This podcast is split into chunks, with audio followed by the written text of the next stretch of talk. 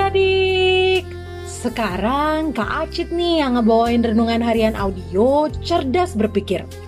Melalui renungan hari ini Kak Acit berharap pikiran kita makin diisi oleh kebenaran firman Tuhan.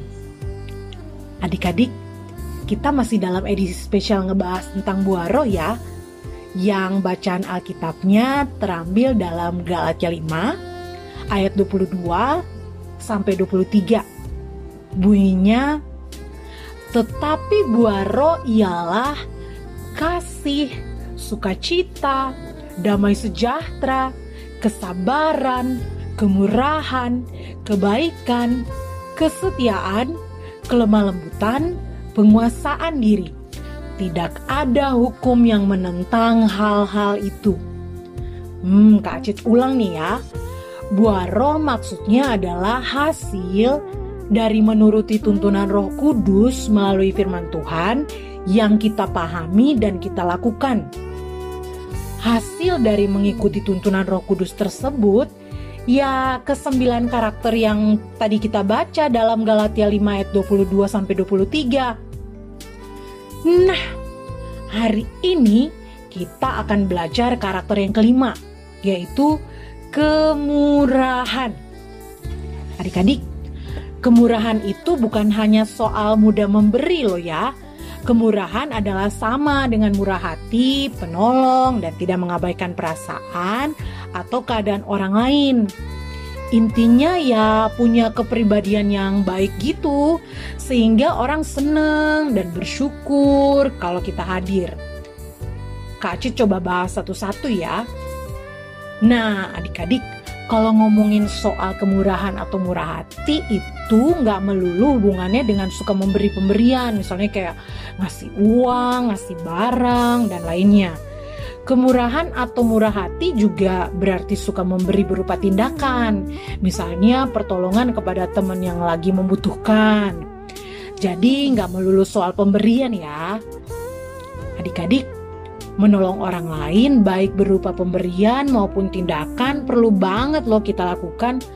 Soalnya siapa tahu memang kita adalah alat Tuhan untuk menyampaikan kasih kepada orang lain. Tapi ingat, hanya karena kita harus menolong orang lain bukan berarti kita jadi nggak bikin orang lain lebih baik. Maksudnya gimana Kak Acit? Maksudnya gini loh. Misalnya pas ujian, teman kita nggak bisa ngerjain karena susah soalnya ya kita jangan kasih contekan ke dia. Kalau kita kasih contekan ke dia, kita nggak bikin dia lebih baik, ya nggak? Dan kalau kita mau menolong orang lain, jangan sedikit pun kita mengharapkan balasan, baik dari orang tersebut maupun dari Tuhan. Gak seharusnya kan kita berpikir gini misalnya, hmm, dia lagi perlu uang, aku mau kasih uang ke dia ah, Ya, anggap aja ini menabur. Nanti Tuhan yang gantikan berkali-kali lipat. Wah, nggak kayak gitu dong. Kepada manusia aja kita nggak boleh mengharapkan balasan kalau kita menolong atau memberikan sesuatu. Apalagi pada Tuhan. Yang ini juga penting nih. Tidak mengabaikan perasaan atau keadaan orang lain. Istilahnya nih ya, kita harus berempati kepada orang lain. Anak Tuhan gak pantas kita egois, hanya mementingkan diri kita sendiri, gak peduli dengan perasaan atau keadaan orang lain. Rasul Paulus pernah bilang gini nih dalam Filipi 2 ayat 4. Dan janganlah tiap-tiap orang hanya memperhatikan kepentingannya sendiri, tetapi kepentingan orang lain juga. Salah satu alasan kenapa kita harus memperhatikan keadaan atau perasaan orang lain adalah ya karena dunia ini nggak dihuni oleh kita sendiri. Ini dunia milik kita bersama. Hampir semua yang kita lakukan itu punya dampak bagi orang lain.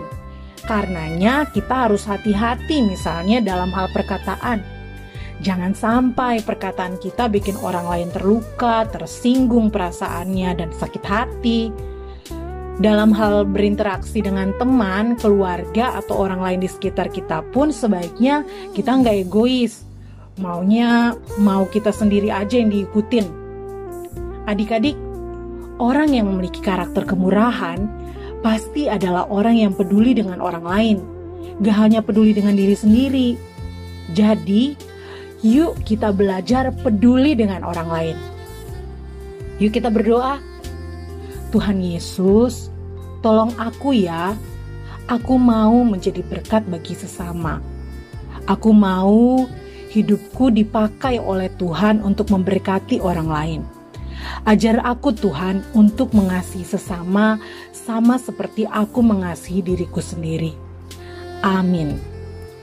Oke, tetap sehat, tetap semangat, dan tetap jadi berkat. Tuhan Yesus memberkati. Dadah.